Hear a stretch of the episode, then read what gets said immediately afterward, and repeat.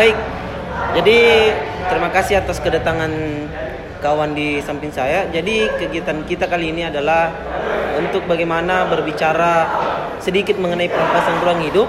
Jadi kegiatan ini yang teman-teman laksanakan adalah program kerja dari Hima KPNM yang bernama podcast Jurnal Progresif Hima KPNM. Jadi kali ini saya panggil siapa ini? Rama, Rama. Rama. Ya. Jadi kali ini kita mungkin akan berdiskusi lebih jauh mengenai uh, perampasan ruang hidup dan sampai kita mungkin bisa sharing-sharing terkait dengan perampasan ruang hidup itu sendiri. Tapi sebelumnya mungkin kawan bisa perkenalkan nama dan dan CV-nya lah istilahnya. Jadi saya persilakan dulu kawan. Ya, nama saya Rahmat Aryadi. Tepat tanggal lahir ujung pandang 11 Februari tahun 2000 asal daerah Goa. Oke. Pendidikan pendidikan dasar di SD Pabangyang Goa, SMP SMP 1 Negeri Goa, SMA SMA Negeri 1 Goa. Itu mungkin. ya, terima kasih. Sempat ada jenjang organisasi yang oh. kawan Ramat, saya panggil kawan atau bagaimana ini? Kawanmu ah, kawan. Nah, kita Jadi, kawan gitu sempat ada pengalaman organisasi ke, dari kawan Rahmat yang mungkin bisa disampaikan kepada para pendengar jurnal progresif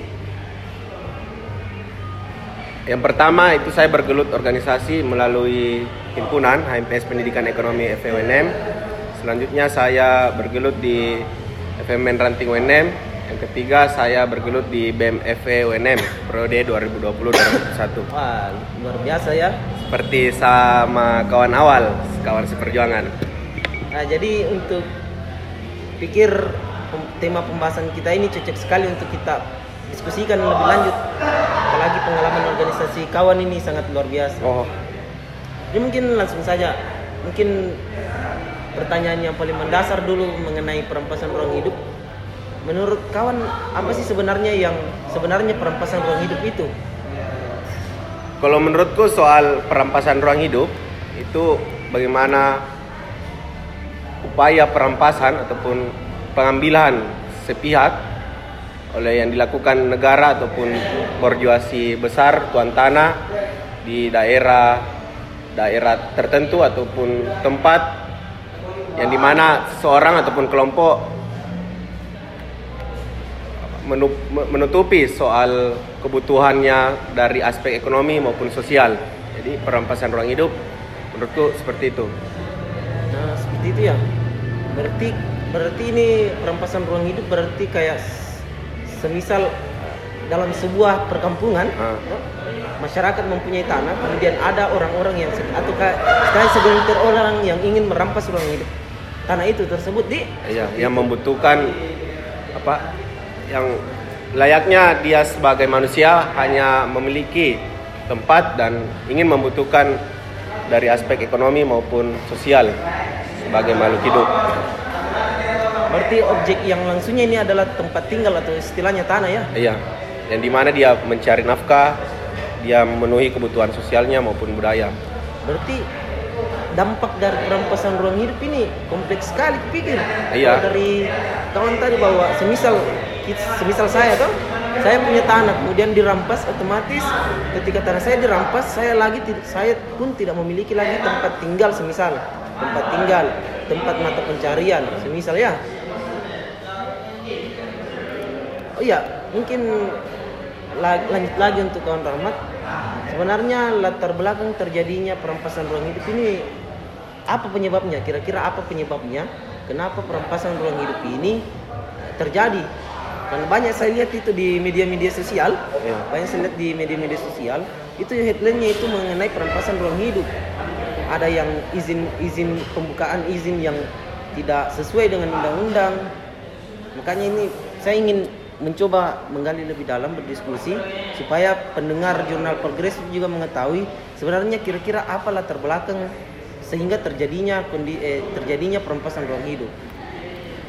Kalau menurutku sih soal latar belakang kenapa adanya perampasan ruang hidup karena sistem kapitalisme yang bercokol di Indonesia, sistem kapitalisme yang terus mengakumulasi kapitalnya, keuntungannya.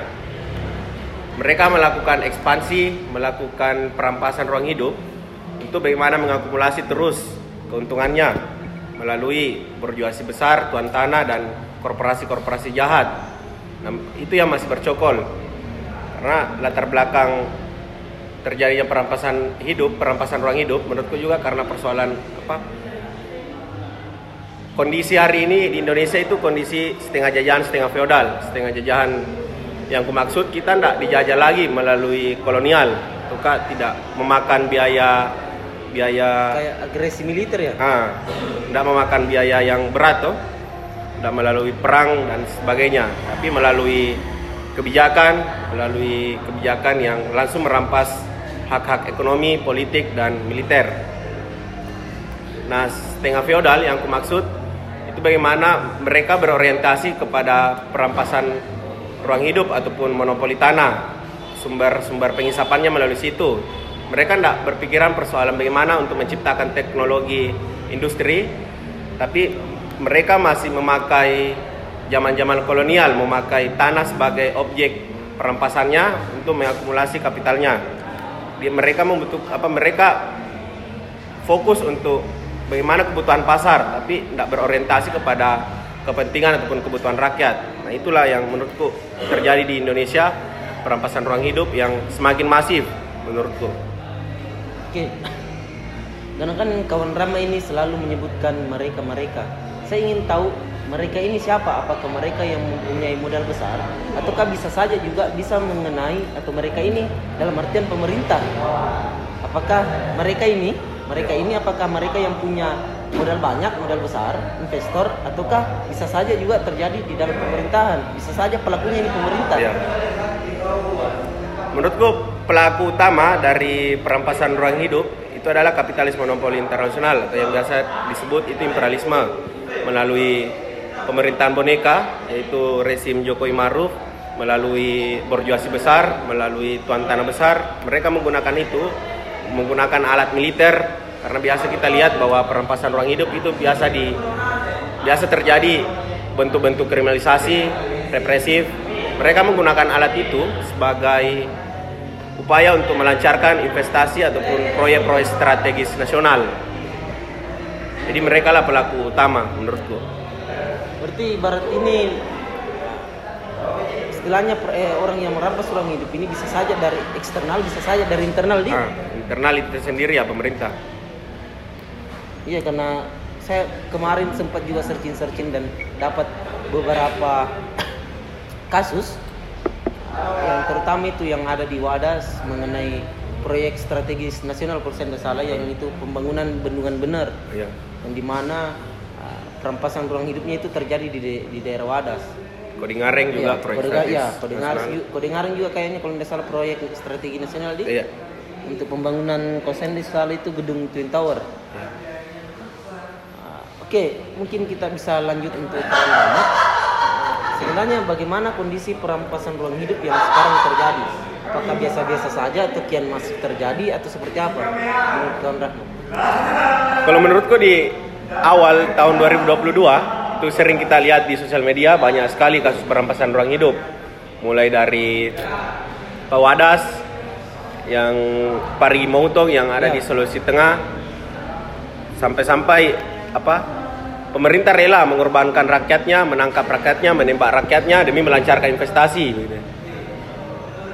Ada juga di Sulawesi Selatan, ada di Bulukumba, di Pantai Merpati, di dekat-dekat kita di Kota Makassar ada Barabaraya, ya, ada Barabaraya. Koringareng. Sekarang lagi yang hangat itu di Enrekan, PTPN. Ya, PTPN 14 di. Iya. Perusahaan kalau saya salah itu perusahaan sawit. Iya. Nah, itu menurutku di awal tahun di 2022 itu semakin masif dilakukan perampasan ruang hidup dan mereka tidak tanggung-tanggung untuk menangkap rakyatnya, mengkriminalisasi rakyatnya, merepresif rakyatnya untuk melancarkan investasinya. Nah, nah dari situlah kita bisa melihat bahwa keberpihakan pemerintah itu tidak berpihak sepenuhnya kepada rakyat, tapi berpihak kepada para investor, para berjuasi besar. Nah di situlah ada menurutku upaya-upaya sistem kapitalisme muncul dari situ persekongkolan jahat. Tukar yang biasa kita sebut kolusi. ya. Memang benar apa yang disampaikan tadi kawan Rahmat bahwa saya memang juga sempat melihat di sosial media itu di awal tahun 2022 kian ma- sangat masif terjadi perampasan ruang hidup. Kemarin ada yang paling hangat itu adalah di Sewadas, Barabaraya, yang kalau kita ber- melihat saja dalam skala regional, skala skala lokal itu di daerah Sulawesi Selatan banyak sekali. Sempat juga saya dapat persoalan yang ada di Enrekang, Barabaraya, Bulukumba, bahkan Bulukumba untuk Pantai Merpati dan kalau saya tidak, salah itu di Tanah Adat juga Bulukumba, Iya, langsung. Iya sangat masif memang iya.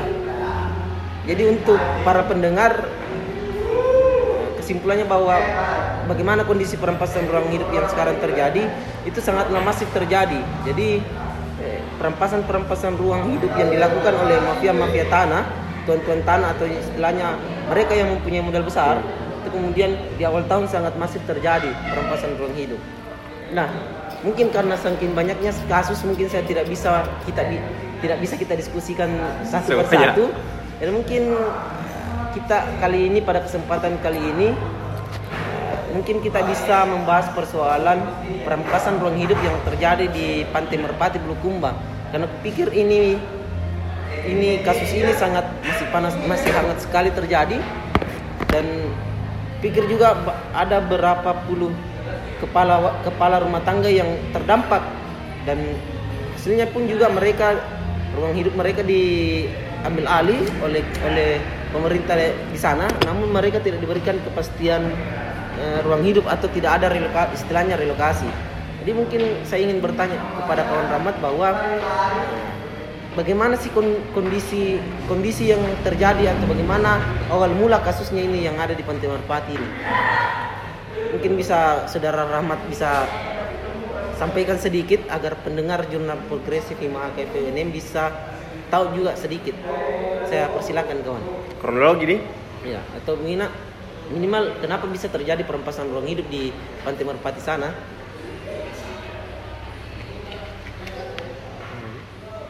Kalau soal update situasi di sana, ataukah kita mulai dulu sebelumnya kenapa terjadi adanya perampasan ruang hidup di Pantai Merpati Bulukumba? Kalau menurutku soal kasus perampasan ruang hidup yang terjadi di Bulukumba itu terjadi karena adanya proyek yang dilakukan Pemkap Bulukumba yaitu objek wisata yang akan di di, di Bangun. apa, dibangun di situ di Pantai Merpati. Misal penempatan kuliner, penempatan ciri khas dari Bulukumba itu akan dibangun di sana. Misal pusat oleh-oleh akan bertempat di sana. Nah, yang menjadi soal pemerintah Kabupaten Bulukumba tidak memikirkan soal nasib penduduk yang ada di sekitaran Pantai Merpati. Mereka melantarkan rakyatnya demi melancarkan apa program-program tersebut.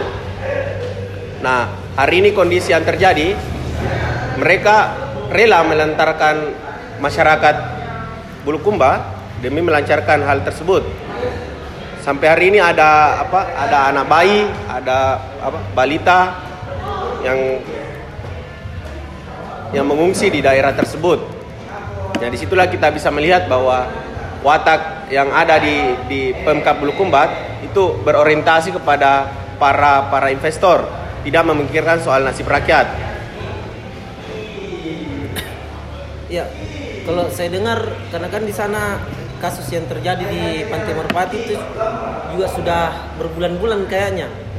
Di mana sedikit toh yang saya baca dari beberapa berita bahwa memang di sana adalah kawasan pantai yang di, di diduduki oleh pada warga selama kurang lebih berpuluh-puluh tahun.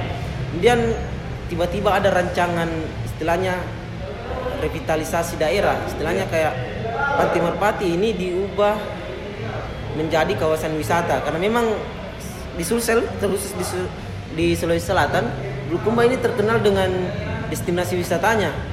Toh, destinasi wisata, wisatanya. Nah, memang terjadi perampasan ruang hidup di mana saya tidak tahu berapa jumlah kepala rumah tangga yang kemudian terdampak dari perampasan ruang hidup ini. Kayaknya yang sekarang masif lagi karena di tanggal 15 Maret kemarin sempat diadakan RDP dengan warga Iya. warga dengan pemerintah Kabupaten Bulukumba bahwa tidak akan ada pengus- Penggusuran. penggusuran atau pengusiran eh, kan sekarang sudah digusur nih. Iya. Nah, warga kan karena mempertahankan ruang hidupnya mereka terus mengungsi di daerah gusuran. Iya. Karena mereka hanya sebenarnya kan mereka kalau kita berbicara mereka sepakat sih terkait dengan eh, cita- cita-cita atau pro, proker yang dibuat oleh pemerintah Kabupaten Bulukumba. Cuman mereka kan yang menolak, mereka menginginkan adanya relokasi atau jaminan jaminan ruang hidup. Iya. Tapi kan sampai hari ini mereka belum mendapatkan jaminan tersebut. Nah kemarin saya lihat beritanya bahwa di tanggal 15 Maret 2022 kemarin mereka sempat warga para pengungsi ini sempat melakukan RDP dengan pemerintah. Hasil RDP-nya kalau saya tidak salah itu DPR, DPR. Oh, DPR. Hasil komunikasinya itu tidak akan terjadi eh, para pengungsi ini tidak akan diusir paksa dari tempat pengungsian sebelum ada jaminan relokasi. Tapi baru-baru saya dengar ini juga bahwa eh, di saya tidak tahu di tanggal ada Besok, besok. Ya, besok 22. kayak ya tanggal 22 itu akan eh, pemerintah Bul- Bulukumba eh, menginstruksikan kepada eh, para aparat keamanan dalam hal ini kalau saya tidak salah. Satpol PP ya untuk kembali meng- mengusir para pengungsi dari dari tempat pengungsian di Ya. tanggal 22 nanti. Bagaimana tanggapan saudara melihat persoalan ini? Menurutku kita kita ndak ndak jadi soal ketika pemerintah Kabupaten Bulukumba melakukan revitalisasi di Pantai Merpati Bulukumba. Tapi yang menjadi soal soal nasib nasib masyarakatnya. Karena kan kalau semisal kita digusur ataupun masyarakat di sana digusur, Ya, itu kan soal jaminan pekerjaan itu belum ada. Karena kondisi hari ini nelayan yang ada di sana itu hanya menjadi pemulung rumput laut. Nah, ketika dia melakukan relokasi, itu pun belum ada yang disediakan oleh Pemda Bulukumba. Nah, aku pikir pemerintah juga harus wajib melakukan apa revitalisasi kepada masyarakatnya, mulai dari pekerjaan yang layak maupun soal relokasi yang disediakan pemerintah Bulukumba. Sangat pikir persoalan yang ada di Pantai Merpati sangat kompleks ya di mana kita yang ingin hidup ketika kita ingin dipindahkan sah-sah saja. Ya. Tapi eh, warga kan di sana hanya ingin tempat yang baru. Nah, Jadi mungkin untuk para pendengar eh, Jurnal Progresif 2022 mungkin kita bisa masuk ke pertanyaan karena kan kawan Rahmat ini masih mahasiswa ya. iya. Nah, saya pun juga masih menyandang status mahasiswa. Mungkin kira-kira bukan hanya sih untuk teman-teman yang menyandang status mahasiswa, bisa saya juga dari alumni atau bahkan pelajar Ya. atau pemuda pemuda sekalipun atau sektor-sektor lain eh, apa apa atau di mana sih sebenarnya peran kita sebagai mahasiswa melihat masifnya kasus perampasan ruang hidup yang terjadi. Jadi posisi kedudukan kita, peran dan fungsinya kita sebagai mahasiswa karena kan sepanjang pengetahuan saya hanya ada dua yang diberi gelar maha, maha kuasa dan mahasiswa. Iya, iya, iya. Saking Maha ya? saking mahanya, saking besarnya ini kita mahasiswa itu sampai-sampai diberi gelar maha. Jadi saya ingin meng- eh, berdiskusi lebih lanjut bagaimana apa apa ya di sebenarnya di mana sih peran dan fungsinya kita sebagai mahasiswa dengan melihat problematika atau melihat isu-isu perampasan ruang hidup yang terjadi di Indonesia terus di Sulawesi Selatan saja lah. Menurutku peran kita sebagai mahasiswa ini ini sangat penting menurutku ya didiskusikan di kita di tataran mahasiswa. Nah, peran kita sebagai mahasiswa itu bagaimana mendukung perjuangan rakyat. Rakyat yang kumaksud itu semisal kelas buruh ataupun kaum tani, begitupun dengan rakyat tertindas lainnya. Karena kalau melihat dari situasi negara kita itu tidak baik-baik saja. Nah, bagaimana kita apa upaya kita untuk bagaimana mendukung perjuangan perjuangan rakyat? Salah satunya menurutku ya mendukung perjuangannya melalui pengorganisasian di, di daerah konflik. Salah satunya di perampasan ruang hidup. Menurutku banyak daerah konflik yang bisa kita datangi. Apalagi di, di Makassar itu ada semisal di Barabaraya, ada Bulukumba ataupun di Kodingareng beserta di apa perampasan ruang hidup yang terjadi di sektor lainnya. Karena tidak bisa kita pungkiri bahwa kita di khusus di lembaga kemahasiswaan itu sering mendapatkan teori-teori soal advokasi, teori-teori soal pengor- pengorganisasian, teori-teori soal investigasi sosial. Kenapa tidak kita perhatikan kepada rakyat rakyat ter- yang tertindas? terkhusus di apa yang terjadi di perampasan ruang hidup. Karena ketika teori saja yang kita andalkan tanpa berpraktek, hukum dialektika itu tidak akan terjadi. Percuma kita sering mendiskusikan soal problem rakyat, percuma kita mendapatkan teori-teori soal advokasi, tapi kita tidak mampu mempraktekkan itu. Ya. Setidaknya teman-teman mampu mempraktekkan di daerah konflik ataukah membantu bantu hubungan produksi, membantu hubungan sosialnya kepada masyarakat yang terdampak di daerah konflik. Itu yang pertama. Menurutku yang kedua persoalan bagaimana kita di di mahasiswa yang biasa kita kenal adalah kaum-kaum intelektual itu mampu mendiskusikan di tataran kampus, di lingkungan kampus yang menurutku sangat ilmiah yang menjadi sumber-sumber ilmu pengetahuan ada kan di kampus. Nah, kenapa tidak kita diskusikan problem-problem rakyat di di kampus? bisa melalui penelitian, melalui jurnal. Intinya kita mampu mendapatkan apa? mendiskusikan di daerah kampus sebagai tempat yang ilmiah. Setidaknya yang paling penting adalah bagaimana eh, isu-isu terkait dengan terkhusus perampasan ruang hidup itu kemudian bisa disebarluaskan wacananya bisa disebarluaskan di internal internal kampus. Ini seperti itu di kita mulai kita diskusikan bagaimana awal persoalan kasus terjadi bagaimana. Kemudian mungkin kupikir juga saya sepakat dengan kawan Rahmat bahwa eh, percuma saja ketika wacana tersebut atau wacana perampasan ruang hidup itu terus kita diskusikan terus kita sebarluaskan wacana wacananya namun tidak ada gerakan yang uh, secara terjun langsung ke lapangan hmm. kupikir juga uh, agak sedikit sia-sia bukan saya bilang sia-sia full tapi agak sedikit sia-sia karena praktek-praktek yang praktek-praktek yang seharusnya kita lakukan itu tidak terlaksana. Iya. Karena memang kalau pengetahuan saya bahwa perjuangan itu kan ada yang namanya litigasi dan non litigasi. Ya. Kupikir kita dari segi eh, mahasiswa itu bisa saja juga menempuh jalur litigasi maupun non litigasinya. Karena kupikir banyak juga kampus-kampus yang memiliki jurusan atau punya fakultas-fakultas hukum semisal mengkaji persoalan hukum yang ya. terjadi terkait dengan perampasan ruang hidup mungkin kita, ini yang sekelas ekonomi mungkin bisa mengkaji persoalan bagaimana dampak ekonomi, yang ya. ditimbulkan dengan adanya perampasan ruang hidup bagi warga yang terdampak semisal saja juga langsung kita melakukan aksi jalanan atau parlemen jalanan. Ya. mungkin bisa. Apalagi kita ini mahasiswa kupikir sebagai penyalur aspirasi. Jadi posisinya kita antara rakyat dengan pemerintah kupikir posisinya kita itu harus berada di tengah-tengah ketika ada persoalan rakyat yang terjadi hari ini, kupikir itu yang akan kita aspirasikan kepada pemerintah, baik itu pemerintah kabupaten, provinsi maupun kepada pemerintah pusat. Mungkin seperti itu. Sepakat juga itu ketika hanya kita diskusikan, sering kita diskusikan, tetapi tidak ada tindak lanjut dari pendiskusian tersebut, kupikir sedikit sia-sia ketika tidak ada eh, realisasi gerakan selanjutnya. Saya juga sepakat tadi yang dikatakan kawan awal soal apa bagaimana kita di perkotaan itu bisa mempresur soal tuntutannya mereka ya. Karena kan kita di daerah perkotaan itu sentral dari kepemerintahan kan ada di perkotaan. Kenapa tidak kita tuntut melalui DPRD provinsi ataupun gubernur yang ada di terkhusus di Sulawesi Selatan. Nah, tugasnya kita di sebagai mahasiswa yang berada di perkotaan itu menuntut aspirasinya ataupun menyambung aspirasinya mereka karena kan kalau kita bisa melihat bahwa aksesnya mereka itu agak susah untuk ke ke sini. Kenapa bukan kita di daerah perkotaan itu bisa mendukung secara tuntutannya mereka?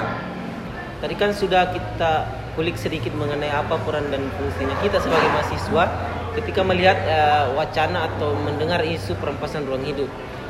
Kira-kira semisal kalau semisal karena kan hari ini kita hanya sekedar bagaimana mendiskusikan di internal internal kampus mengenai perampasan ruang hidup. Kira-kira tindak lanjut dari diskusi atau pendiskusian mengenai perampasan ruang hidup ini apa sih kira-kira menurutnya selain dari pendiskusian ini? Menurutku kenapa penting kita mendiskusikan dalam kampus di, di tataran mahasiswa karena kita tidak bisa percaya seutuhnya kepada birokrat kampus karena birokrat kampus juga berperan aktif dalam perampasan ruang hidup. Kenapa saya mengatakan agama apa berperan aktif dalam perampasan ruang hidup karena analisis dampak lingkungan dari akademisi itu diambil dalam kampus melalui profesor-profesor.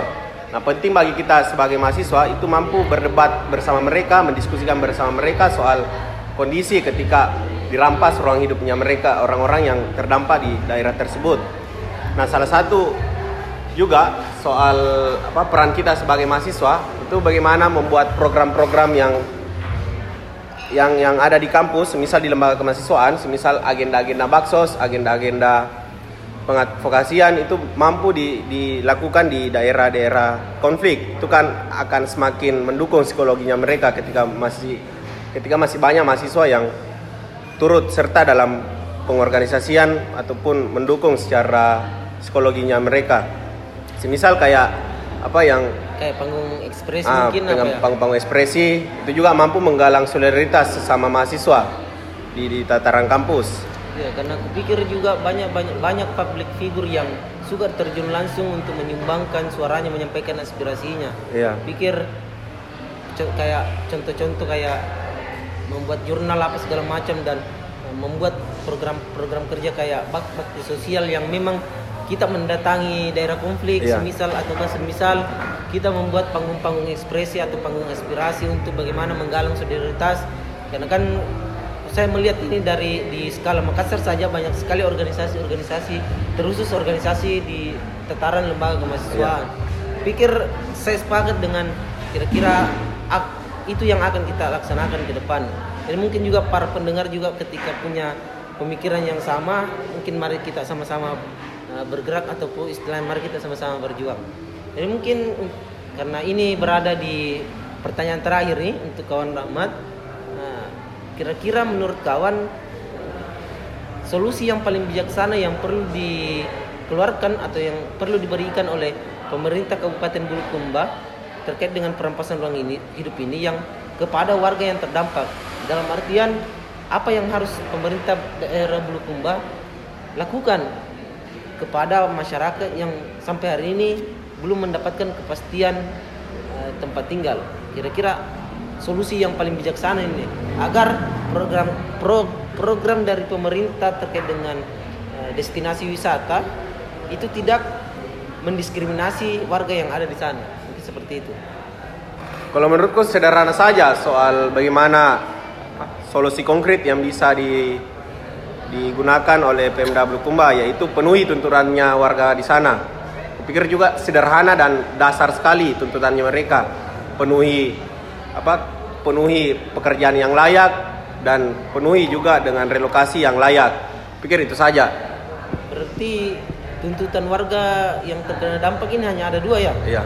Dan menurutku sangat dasar. Iya iya kalau kita pikir mengenai lowongan pekerjaan atau pekerjaan yang layak, kemudian tempat yang relokasi istilahnya relokasi perpindahan tempat dari kawasan Pantai Merpati ke kawasan yang lain setidaknya karena memang ketika saya berpikir seperti ini ketika saya terkena dampak dan tidak memiliki rumah otomatis saya nyawa saya akan terancam saya Iya. mengingat bahwa kebu- kebutuhan yang paling mendasar adalah ada yang namanya sandang pangan dan papan. Aku pikir rumah sang, dalam artian papan ini sangat penting untuk bagaimana terus melanjutkan kehidupannya kita. Ya, mungkin itu sedikit pendiskusian dengan kawan Rahmat yang sang kupikir sangat luar biasa untuk bagaimana kita mendiskusikan terkait dengan perampasan ruang hidup. Jadi untuk para pendengar jurnal progresif Himaaka 2022 tetap nantikan pendiskusian ini terkait dengan perampasan ruang hidup karena saya menjamin bahwa ketika teman-teman mendengar ini akan menambah pengetahuannya teman-teman bukan hanya pengetahuan di dalam kampus tetapi juga teman-teman bisa lebih peka lagi terhadap untuk melihat bagaimana persoalan rakyat hari ini. Jadi mungkin cukup sekian. Terima kasih juga para pendengar jurnal progresif Himaka FWNM periode eh, tahun 2022 sampai ketemu lagi di pembahasan atau tema yang akan kita eh, diskusikan selanjutnya. Jadi mungkin cukup sekian. Jadi ketika ada salah kata, saya mohon maaf. Kawan Rahmat juga mungkin ketika ada statement yang eh, agak keliru mungkin juga permohonan maaf karena jangan sampai eh, karena kan sekarang memang kita berhak untuk menyampaikan aspirasi tapi kita tidak tahu ke depannya bakalan didiskriminasi oleh undang-undang ITE dan banyak kasus seperti itu. Jadi mungkin cukup sekian pendiskusian kita mengenai perampasan ruang hidup. Semoga uh, apa yang menjadi pendiskusian kita pada malam hari ini bernilai ibadah. Amin amin. Mungkin penutupnya mungkin kawan Rahmat mungkin bisa memberikan sebuah closing statement ya mengenai perampasan ruang hidup yang terjadi. Ya kalau menurutku soal closing statement yang bisa saya sampaikan soal hari ini pemerintah beserta beserta kelas penindas lainnya itu akan bekerja sama untuk terus bagaimana merampas ruang-ruang hidup kita. Bisa jadi di, di daerah kita juga akan terdampak dengan kasus perampasan ruang hidup. Jadi penting bagi kita, bagi pemuda mahasiswa, bagi pendengar nantinya itu mampu bela terus belajar bersama kaum tani, kaum buruh, ataukah sama-sama mengorganisasikan mereka kepada tempat-tempat di daerah-daerah konflik. Nah itu menurutku yang penting. Nah tak, tak lupa juga kampus merupakan tempat yang ilmiah. Kenapa? Kenapa tidak kita lakukan kampus sebagai laboratorium yang ilmiah, gitu, mampu menyelesaikan masalah di daerah-daerah konflik. Nah perannya kita mahasiswa itu sangat penting untuk mendukung perjuangan rakyat tertindas. Itu menurutku. Jadi terima kasih atas closing statement yang telah disampaikan oleh kawan Rahmat. Semoga para pendengar dengan dengan mendengar eh, konten kali ini terkait dengan pembahasan perampasan ruang hidup, semoga teman-teman juga bisa peka karena aku pikir kita masih terkendala di wilayah waktu untuk bagaimana mengulik lebih jauh mengenai perampasan ruang hidup. Pikir para pendengar juga bisa membuat kegiatan-kegiatan pendiskusian agar bagaimana wacana atau isu perampasan ruang hidup itu kian kian membesar sehingga menghasilkan gerakan sehingga menghasilkan pula gerakan yang lebih masif e, berkelanjutan. Karena aku pikir e, saya teringat bahasanya teman-teman seperjuangan bahwa kita hidup di, di dunia ini ya satu-satunya hanya untuk berjuang, iya. hanya itu saja. Jadi mungkin cukup sekian. Wabillahi taufiq wal hidayah. Wassalamualaikum warahmatullahi wabarakatuh dan jangan lupa nantikan uh, pembahasan atau pendiskusian terkait ini dan juga kami pasti akan membuat konten-konten atau isu-isu atau membahas isu-isu yang lebih keren lagi atau isu-isu hangat. Terima kasih. Wassalamualaikum warahmatullahi wabarakatuh.